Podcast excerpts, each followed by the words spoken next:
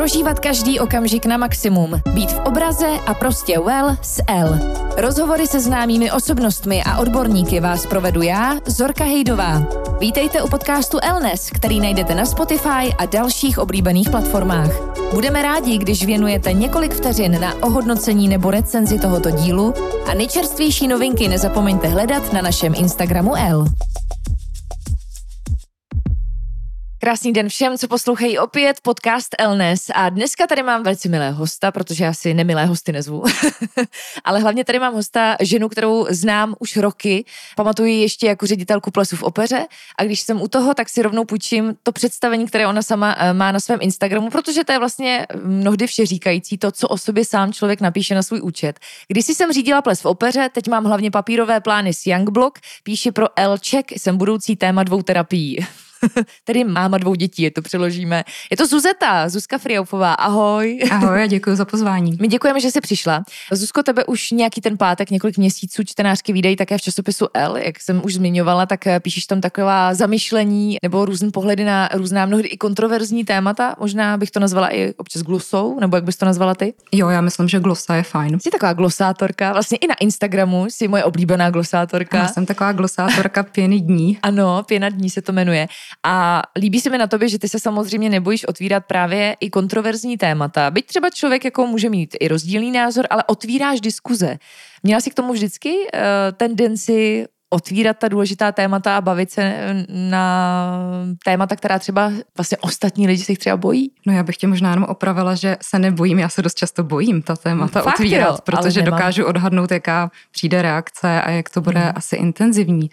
Ale eh, tak já se odehřivu jako ráda bavím s lidma a tím víc s lidma, který mají jiný názory. Mm-hmm. Pokud jsou prostě chytrý a mají nějaký vhled nebo přehled tak já si myslím, že ta diskuze je to, co nás posouvá a já jsem jako ochotná svoje názory upravovat a měnit, takže mm-hmm. to považuji i na tom Instagramu vlastně za přínosný. Já to tam, myslím, nepředkládám jako nějaký dogma, mm-hmm. jako nějaký obecně platný pravdy, ale fakt jakoby svůj pohled na věc, ke kterému mám nějaký svoje argumenty, ale strašně ráda si pak poslechnu nebo přečtu ty, kterými chodí a jsem ochotná klidně to svoje stanovisko jako poupravit. Hmm. My se o těch tématech taky pobavíme. Uh, I o tom možná, jak vnímáš tu zpětnou vazbu, která právě není třeba vždycky pozitivní, ale zajímá mě ten tvůj příběh. Já tě znám, já ho trošku znám, ne úplně do hloubky, ale třeba pro čtenářky, který vlastně eh, čtou tvoje pohledy, zamyšlení, začali tě třeba sledovat na Instagramu, eh, kde se vzala Zuzeta. Já si tě pamatuju samozřejmě od plesu v opeře, což už je pár let zpátky, ale je to určitě takový důležitý milník v tvém životě. Jak na to vzpomínáš? No, vzpomínám na to uh, hrozně ráda, ale taky zároveň čím dál tím míň, protože, jak jsi sama řekla, ono už je to šest let mm. od té doby, co státní opera zavřela. Potom teda otevřela a v zápětí přišel covid, mm. takže se to trošku natáhlo. No kde se vzala Zuzeta? O tom jsem nepřemýšlela nikdy vlastně, tak já pocházím z Litomyšle, mm. Z malého města, kde jsem se narodila ještě jako předrevoluční dítě. A vlastně mě podle mě docela dlouho trvalo, než jsem se rozhodla jako vyletět někam trochu do světa. Já jsem strašně odmítala jít na vysokou školu do Prahy. Mm-hmm. Protože jsem prostě, jako možná jsem se té Prahy trochu bála. Takže já jako jsem všichni. sem... No, ale oni se všichni tváří, že ne, ale No, já jasně. jsem to úplně na rovinu řekla, že prostě do Prahy nechci, že ten skok je moc velký. Hmm. Takže já jsem vystudovala univerzitu v Pardubicích a vlastně potom až jakoby za první prací pořádnou, takovou velkou, jsem šla do Prahy. A věděla jsem už i z nějaký praxe, kterou jsem dělala při škole, že jako chci dělat PR, že mi to jde, že mě baví pracovat právě s textem, se slovama. A tam ta, jsem vydržela čtyři roky téměř. Hmm. A když jsem skončila, tak přišla nabídka na ples v opeře. To je ale příjemná nabídka. Mm, No, jako um, opět, mě vyděsilo, jo. Já jsem hmm. se zase jako lekla toho, že je to moc velký. Hmm. Já jsem věřila tomu, že nějaké zkušenosti v oblasti PR i eventů mám, ale tohle to mi přišlo najednou strašně moc, takže já jsem ji odmítla. Fakt jo, na poprvé si odmítla? Mm. Hezky. Tak pojďme si říct, že co se týkalo uh, společenského života, tak to bylo asi nejvíc, ne? Ples v opeře, jako co bylo víc, než uh, když jsi dostala pozvánku na ples v opeře? No, tak určitě v té době tady nebyla větší společenská akce. Právě, myslím si, že to jako určitě byl reálně velký oříšek. No, a, a hlavně byl velký oříšek to, kam jsme to vlastně chtěli posunout, protože vlastně s tím původním stavem, ve kterým jsme to přebírali, jsme nebyli úplně spokojení. Mm. No, Což se ale povedlo. Jo, nakonec se to povedlo, myslím, moc hezky. Já to hodnotím eh, spíš než třeba mediálními výstupy, který mm. se většinou stejně omezí na nějakou modní policii. Bulvárek, A jasně. na to, jaká zahraniční hvězda přijela. A kdo se kde opil. No, přesně tak. Na afterparty. No. Tak mě, mě mnohem jako důležitější přepadal vždycky výtěžek na charitu, což mm. vlastně byl prvek, který tam předtím vůbec nebyl. A my jsme to dostali na úroveň, která si myslím, že byla jako hodně dobrá, když jsme prostě za jeden večer, za půlhodinovou dražbu dělali víc než milion. Mm. Tak mi to přišlo mm. fajn a přínosný. Tak roky to moderoval Marek Eben, pak si udělal velice překvapivý krok a vzali jste tam Leoše, ale vyplatilo se. To byla vlastně asi ta nejúspěšnější dražba. To byla v tu dobu rekordní dražba, já se teďka nejsem úplně na korunu jistá, jestli jsme ji ten další rok překonali, nepřekonali, mm-hmm. ale bylo to hodně podobný, protože už i ta laťka díky Leošovi byla nastavená a ty lidi se taky jako chtěli hecnout. Že? No jasně. No, ale tak samozřejmě vyměnit Marka Ebena, to bylo... To chtělo odvahu. to chtělo, no. Bylo to jedno z těch nejtěžších rozhodnutí v rámci plesu v opeře? Nebo co bylo vždycky tak jako eh, největším tím oříškem při pořádání takhle obrovské akce? No tak tam jsou nejtěžší ty rozhodnutí, které vlastně vůbec nejsou vidět, hlavně jako finanční a dramaturgický ale z těch, který jsou vidět a na který samozřejmě víš, že přijde velká zpětná vazba, tak tohle bylo možná ne nejtěžší, ale určitě nejriskantnější. No pak se řeší, koho pozvat, koho ne. Tam už začaly takový ty, každý chtěl dorazit, že jo, tam už se musela rozdělovat mezi těma uh, úrovněma celebrit. No, tak eh, určitě, ale na tom je taky zajímavý, že my jsme oficiálně těch lidí zvali strašně málo a potom jsme se vždycky v bulváru dočetli, koho jsme pozvali. Ale o tom jsme si... vůbec nevěděli, no, protože se ty lidi ty vstupenky normálně kupovali. Hezky. Hm, tak to je, myslím si, potvrzení tvého úspěchu, že jste to dělali sakra dobře. Od té doby samozřejmě už uplynul nějaký čas. Pojďme teď k L, protože samozřejmě mě zajímá, jak vlastně vznikla tahle spolupráce.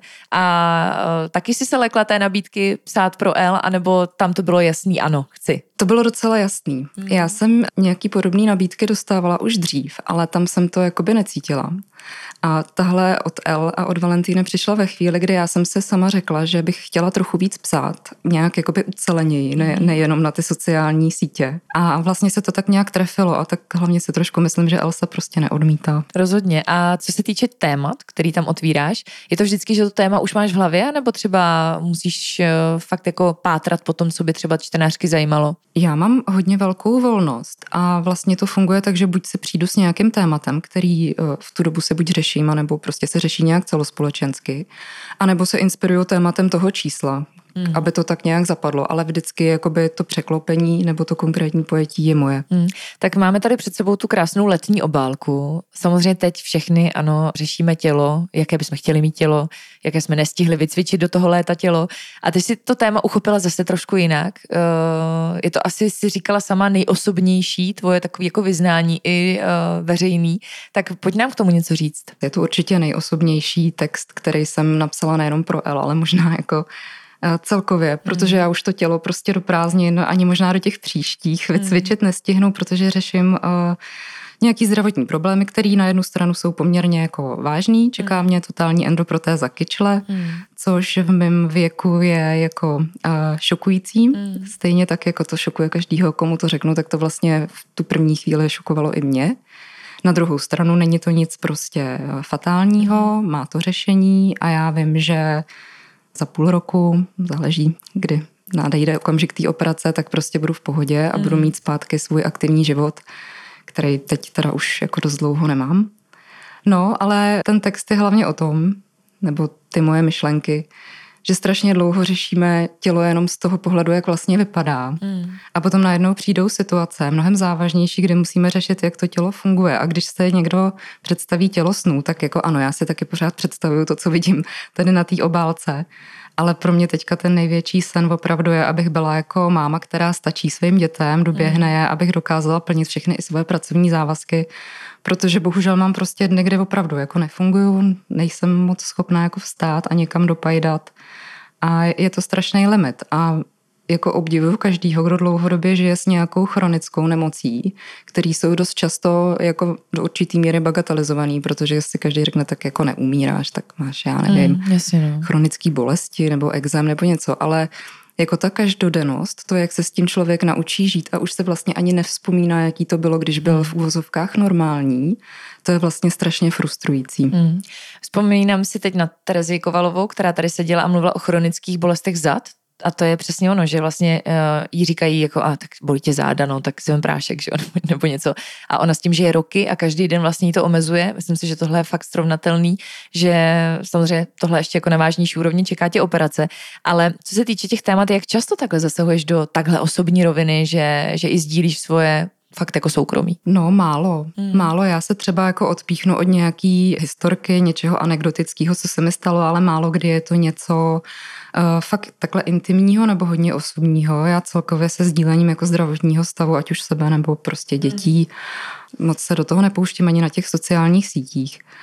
Ale tady mi přišlo, že jednak to mělo nějakou váhu i vlastně v tom eh, fashion magazínu, který dost často klade důraz hlavně na ten mm. vzhled a na mm. to, jak to lidi vnímají. A za druhý to pro mě asi v tu chvíli bylo i do nějaký míry jako terapeutický. Mm, rozumím. A jaká je odezva čtenářek? No byla velká, byla velká a spousta lidí mi psalo, že si to kvůli tomu šli koupit, mm. protože pochopili z nějakých náznaků, že se jako něco děje a tak je to jako zajímalo a psali mi potom svoje zkušenosti, podporu. Nikdo snad to jako by nějak neschazoval nebo prostě neříkal jako tak vňukáš, tak ti vyměněj tady kyčel, mm. to jako bude dobrý.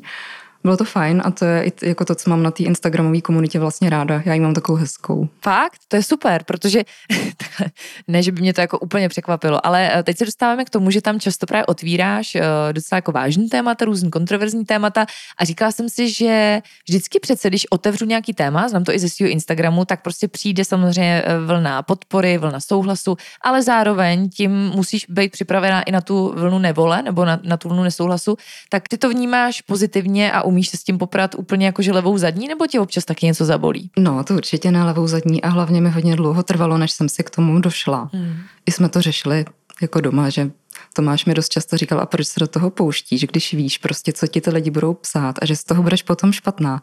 Takže to brnění jako nějakou dobu vznikalo, mm-hmm. ale bylo i o tom pochopení, že opravdu jako každý žijeme v jiný bublině a že ty, oni mají taky nárok na ten svůj názor a já jsem, já mám ten Instagram relativně malý, jako třeba u tebe si to neumím představit, mm. ale já fakt s těma lidma komunikuju, jako já jim odepisuju, snažím se jim věnovat tu pozornost což potom teda taky uh, zabírá strašně moc času, takže no, já to hodně no. zvažuju, do čeho se pustím a kdy.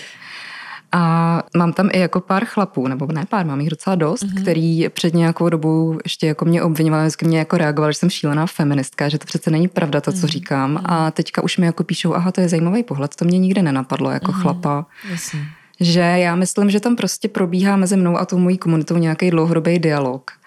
A komu prostě dlouhodobě moje názory nesedí, tak mě nesleduje. Mm. To je strašně jednoduchý. Co je takovým tvým jako možná cílem? Chceš jako rozšířit obzory třeba i těch lidí, aby se třeba i fakt na ty témata dívali trošku jinak, aby zjistili i druhou stranu mince? Já nevím, jestli je to úplně mým cílem, ale je mi to asi nějakým způsobem vlastní. Jako mm. já nerada věci zjednodušuju, nemám prostě ráda stereotypy jako ráda si ke všemu věci dohledávám, dávám si to do souvislostí, mm. hodně sleduju prostě veřejný dění a politiku. A strašně mě pak jako vždycky irituje právě, když ty zkratky tam jsou, tak se snažím ty témata nějak jako ukázat z víc stran, trošku je nasvítit. Vlastně jsem pak i zjistila, že mi k tomu nestačí ten psaný formát, takže tím vznikly ty, ty videa pěna dní, jenomže to prostě já vůbec časově nejsem schopná Jasně. to jako realizovat. Hmm. A jako, že tak já z toho nic nemám, já ten Instagram nemám založený na spolupracích, hmm. takže je to vždycky na úkor prostě něčeho. Osobně takže, času, jasně. No, ale myslím si, že prostě je to i to, co na tom ty lidi baví, no, to, na hmm. čem ta komunita vzniká, že se tam jako něco dovědí, nebo minimálně se na to podívají jinak a že to tak berou, no. A když jim to nevyhovuje, tak tam prostě nejsou. Hmm. Ty jednak dáváš věci do souvislostí, třeba upozorňuješ na nějaký matoucí titulky, které občas jako to jsou fakt jakože bláboli. Ale na druhou stranu častokrát třeba i upozorňuješ na konkrétní osoby, na některé názory, které prostě třeba nejsou úplně v pořádku nebo by měly být uh, trošku jako vysvětlený a nemáš problém jakoby přesně bavit se i o někom. Vrátilo se ti to někdy v negativním, že třeba ten člověk ti nějak jako reagoval nebo se chtěl mstít? Má to i tuhle odvrácenou stránku? Protože vždycky, když na něco reaguješ, musí přijít ta reakce zpátky. No, Ježíš Maria. Hmm. Jako to, tam byla spousta příběhů hmm. a já musím říct, že už jsem se taky poučila, že už jsem ubrala a fakt se jako vybírám, do kterých bitev se pustím. Hmm. Protože prostě to, že mně se něco nelíbí, ještě neznamená, že je to špatně. Je to prostě můj názor, ale samozřejmě spousta těch lidí, když to ventiluju veřejně na sociální síti, kterou mám otevřenou a je dostupná každému, tak se to jako bere osobně. Mm. dost často ty lidi to vnímali tak, že jim nastavují jako nějaký zrcadlo, který se jim prostě nelíbilo, tak uh, některý se ozvali přímo a třeba mm. jsme si to vyříkali. Mm. Některý se ozvali nepřímo, i třeba jako vyhrožovali. A... Fakt jo, mm. takže to došlo až takhle daleko. Mm. Jo, jo. Mm. A to byl jako i okamžik, kdy jsem si řekla, že, že mi to za to nestojí, že já prostě si těch lidí jako ani nemám za co vážit, nebo proč jim věnovat ten čas a že mm. tímhle směrem už nepůjdu, ale když narážíš na, na ty, jak se řekla hezky eufemisticky zavádějící titulky, mm podle mě jsou to prostě lži, hmm. tak, eh, tak jo, já jako se dlouhodobě věnuju některým lidem, kteří mají založenou živnost nebo obživu na tom, že se prezentují jako odborníci na něco, na co prostě objektivně odborníci nejsou. Mě to strašně irituje. Hmm. Zvlášť, když vidím, jaký nesmysly říkají. A tam eh, někdy ta zpětná vazba taky přijde. A někdy jako přijde i od těch mých sledujících, kteří říkají, ale já s ním mám dobrou zkušenost, mě pomohl, uh-huh. já s těma jeho názorama vlastně souhlasím.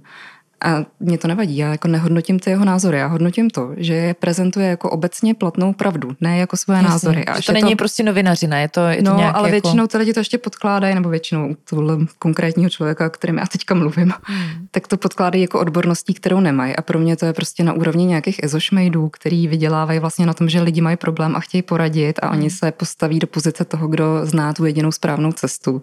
Hmm. Tak eh, já si myslím, že tak to prostě nefunguje. Tak ať trošku objasníme, nemusíme jmenovat, o který kauze teď třeba mluvíš, zeptám se jinak. Eh, jaká témata tě teď nejvíce zaujala? Co je teď takový, co rezonuje na Instagramu Zuzeta a i v tvý hlavě? Tak na Instagramu Zuzeta dlouhodobě samozřejmě rezonují moje sklony k feminismu. a mě vadí, když jakoby se lidi snaží mluvit lidem do toho, jak mají mít uspořádanou rodinu, jak mají vychovávat svoje děti, jaký mají být pevně daný role žen a mužů. Hmm a tyhle ty prostě stereotypy. Ty jsi to tam psala teď krásně, asi dva dny zpátky, no možná včera to bylo, že vlastně žena nikdy není dost. Eh, buď je málo s dětma, nebo je hodně s dětma, eh, buď hodně pracuje, nebo eh, málo zase se podílí na té domácnosti, že vlastně jak najít jakoby ten středobod, asi nelze zavděčit se všem, ale kde ty vidíš vlastně hm, takový ten klíč k úspěchu? No já jsem napsala, že vlastně na ženy je mnohem větší nebo přísnější metr v v tom společenském eh, měřítku a, a hned si feministka, že? No tak to já jsem, no, já se za to nestydím. Hmm. Ale zároveň eh, já si teda myslím, že nám vlastně nějaký společný hodnocení může být do určitý míry dost jedno, pokud máme vedle sebe toho partiáka, který nás v té naší cestě podpoří, se kterým se na tom domluvíme hmm. a potom jako ta jednotka té rodiny prostě fungujeme a jdeme za tím stejným cílem, který by měl být, aby všichni v tom vztahu byli teda spokojení. Hmm ale že se to děje, že se to děje prostě zjednodušováním v těch médiích a vůbec jako tak mateřství, to je věc veřejná, na to má mm. každý prostě 50 názorů. Jasně.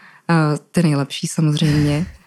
tak eh, jako člověk se od toho musí trošku podle mě odosobnit a opravdu si to sám nastavit tak, jak chce. Řešit to jenom s lidma, který to přímo jako ovlivňují a na kterých záleží ale jako když jsem byla čerstvá matka, tak mě to třeba iritovalo úplně strašně. No. To byl náraz, hmm. na který jsem nebyla připravená. Je to asi nikdo z nás, na to se no. nelze připravit. Mám stejnou zkušenost.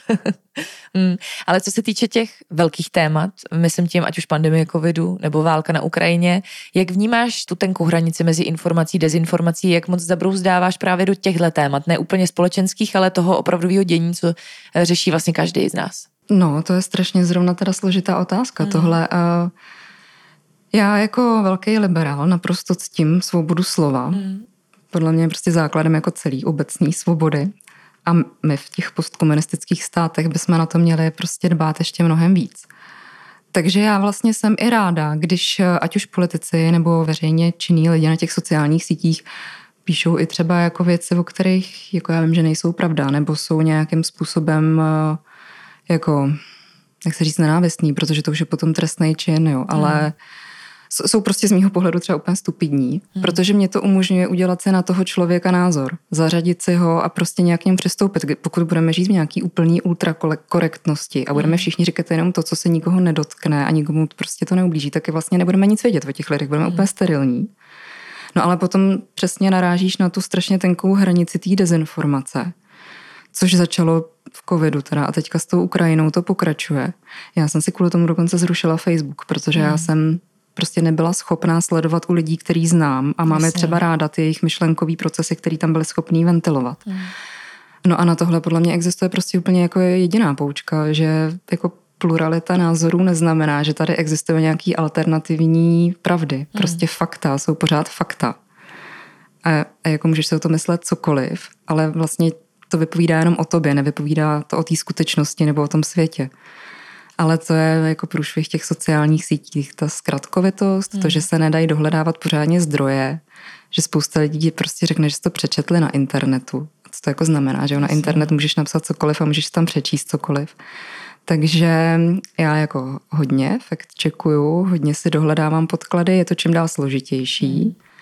ale já třeba vím, že i kdybych něco jako zveřejnila, tak už mám to publikum tak vycvičený, že kdyby to se náhodou ukázalo, že no to jako jasně. jako není pravda, tak oni mi to jako neodpustí. Oni tě ještě kontrolujou. Mm-hmm. že to ještě zčeknou, jestli máš pravdu. To je krásný. Jsi i biznismenka. Samozřejmě to, co jsme říkali v úvodu, ta tvoje náplň pokrývá mnohem víc. Front, já jsem tady krásný blok, už Young Blog dostala. Tak jak vznikla tahle myšlenka, pustit se tímhle směrem? No, podobně jako všechno v mém životě úplně nějakým omylem, kdy za mnou přišel kamarád z Litomyšle, Jirka, který potřeboval v té době nějak pomoct s PR, protože už se rozjížděl covid, bylo to složitý pro všechny podnikatele, který něco jako prodávají. A, a tak jsme nějak jako na tom začali pracovat a postupem času jsme si vlastně řekli, že to je strašně pěkný, že ty papírové produkty mají pořád hroznou sílu a náboj. A dohodli jsme se, že do toho nějak vstoupíme i investičně, takže já bych úplně neřekla, že jsem biznismenka, ale jsem asi mm. podnikatelka, jsem mm-hmm. spolumajitelka skvělé firmy. A tak jako je to těžký, no. Mm. Je to těžký, protože ta doba je opravdu nevyspytatelná a protože asi samozřejmě já jsem si malovala, jak to bude krásný, jak budu prostě vymýšlet design těch bločků a potom si je budu fotit na ten Instagram a dělat tomu krásnou komunikaci.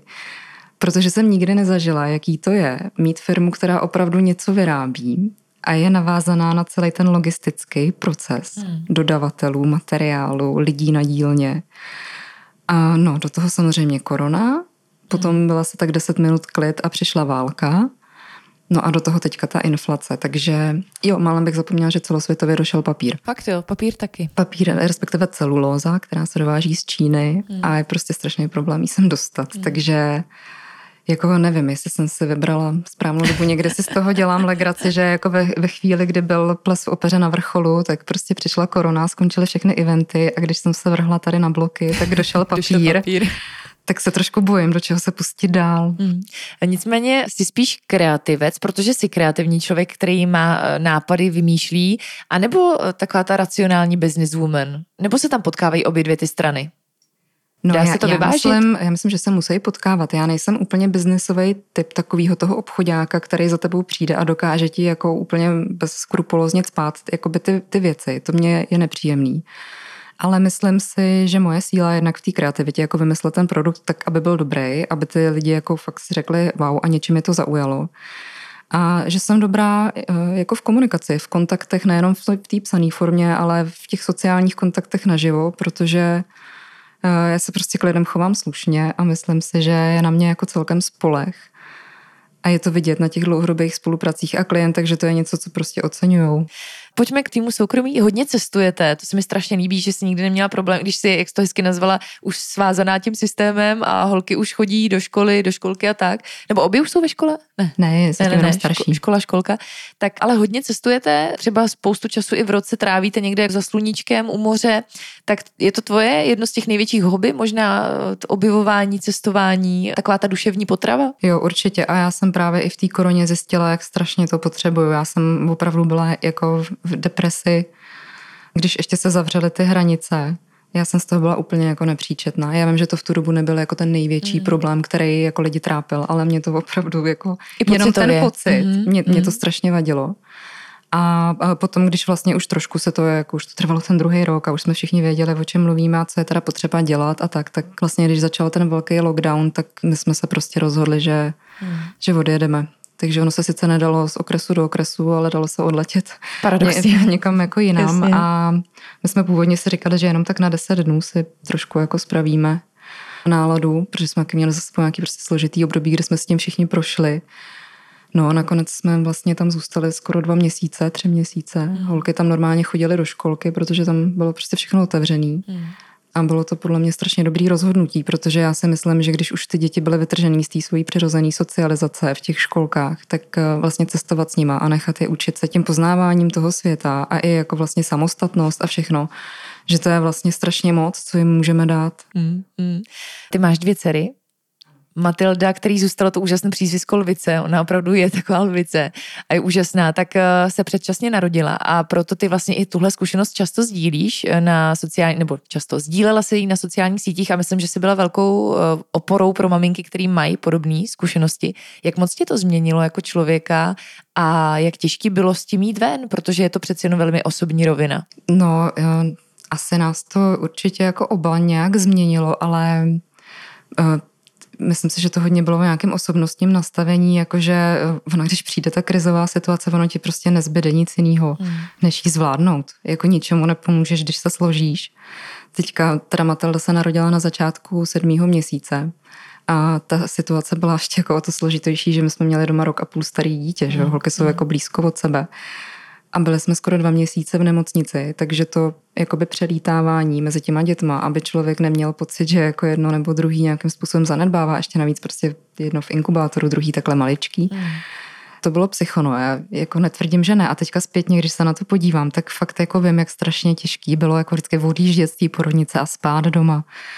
Ale mm. v tu chvíli jsem to vůbec neřešila. Prostě mm. člověk jede na nějakého autopilota a jako nepřemýšlí potom, protože by to ničemu nepomohlo. Máš do dneška zpětnou vazbu od žen, který ti třeba i děkují za to, že se s tím tématem šle ven a prožili si něco podobného? Občas mi někdo takhle napíše, ještě pořád, ačkoliv já už to, protože Matilda už je prostě z toho úplně mm. venku, my už to tak jako nevnímáme, mm, takže už to ani moc nezdílíme, ale já jsem pořád eh, v kontaktu i eh, s Nedoklubkem, s mm. neziskovkou, kterým vlastně jako agentura pomáháme s kampaní. Dělali jsme i nějaký vlastní charitativní projekty a jsem pořád v kontaktu s Jipres v Podolí. Teďka jsme byli minulý týden na jejich dětském dnu, kam pořád chodíme a kam vlastně já se, já se tam vždycky připadám, že si říkám, ty, to tak strašně dobře dopadlo. Mm. I díky těmhle lidem, protože eh, tam člověk jako vidí děti, u kterých to prostě nedopadlo až tak dobře. Mm. A nebo tam třeba vidí jako trojčata, no, dvojčata, čtyřčata to je třeba pro mě úplně děsivý.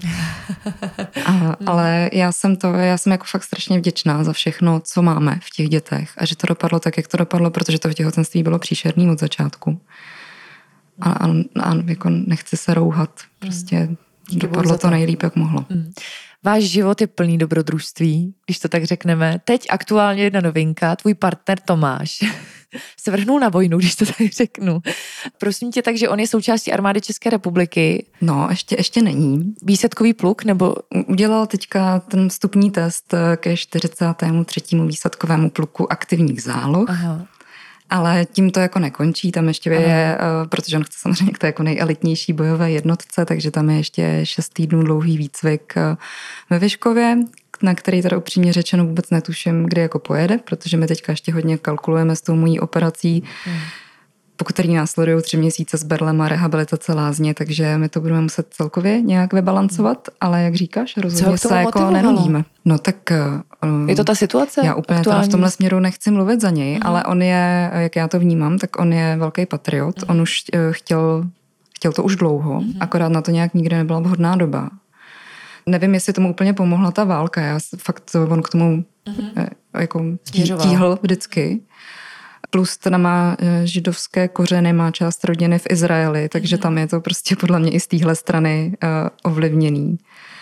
Mm, určitě si asi chtěl i dokázat, že prostě tu fyzičku má. A i z toho důvodu jsem jako strašně ráda, že to dopadlo, protože to bych nechtěla řešit, kdyby ne. Jasně. A my jsme ohledně toho měli teda doma nějaký diskuze. Já říkám na rovenu, že jsem s tím úplně nesouhlasila. Hmm. Protože přesně jsem si představovala, že to udělá, v okamžitě ho někam jako nasadí do války a přišlo mi to strašně jako nezodpovědný od člověka, který má rodinu a dvě děti. Hmm. Ale opět, jak já se ráda poslechnu ty jiný pohledy, tak eh, vlastně Tomáš mě to vysvětloval tak, že eh, když máš opravdu nějaký speciální výcvik, tak pokud by na něco došlo, tak budeš jako nasazený líp, nepůjdeš tam jako úplně bez ničeho do první linie, když hmm. neumíš ani držet zbraň. No a pokud by byla všeobecná mobilizace, tak stejně budeme muset jít všichni. Mm. I my dvě. Mm.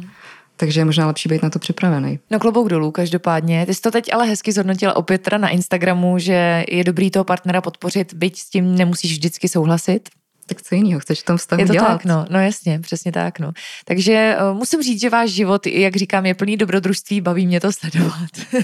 Stejně jako tvou komunitu. Na co se těšíš? Léto před námi, máš před sebou teď i nějaký hezký milník, kromě té zmiňované operace, která přece jenom to není úplně veselý téma, ale na co se těšíš nejvíc a na co se můžeme těšit třeba i my, čtenářky tvých glos eh, v časopisu L?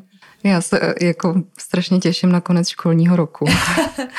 Pro nás ta první třída byl jako ze začátku dost očistec hmm. a pak se to nějak sedlo a teďka ke konci roku zjistili dceři eh, alergii na laktózu, takže já poslední měsíc připravuju snídaně svačiny a ještě jako speciální obědy. Hmm a už mi z toho trošku hrabe a strašně se těším, až prostě to bude eh, za náma a nebudeme dva měsíce muset vstávat a nic řešit. Mm. Pokud jde o nějaký cestovní plány, my je zatím moc nemáme. My jsme takový pankáči v tomhle. Eh, my jsme si řekli, že v pátek, až si převezme to vysvědčení, nebo co to je za den ve čtvrtek, mm. že prostě sedneme rovnou před školou do auta a vyrazíme směrem do Rakouska, hory a jezera, ale my nevíme kam a my to nebudeme vědět nejspíš ani ten den. To je super a víme, že máme prostě 17 dnů, během kterých budeme na nějakém road tripu. My to dost často necháme rozhodovat děti. Budete spolu a to je vlastně jo, to nejvíc. Budeme spolu a necháme se absolutní svobodu v tom, co bude. Krásný. Tak já vám přeju moc, ať si to užijete. Krásné léto, kdybychom se neviděli, protože na sebe nemáme tolik štěstí. A děkuji, že jste přišla do našeho podcastu. Taky moc děkuji a doufám, že se uvidíme dřív než za pět let. Já taky doufám. Zuzka Friaufová alias Zuzeta v našem podcastu časopisu L, tady Elnes a budu se těšit s dalším hostem zase co nevidět. Tak jsme rádi, že posloucháte. Díky moc.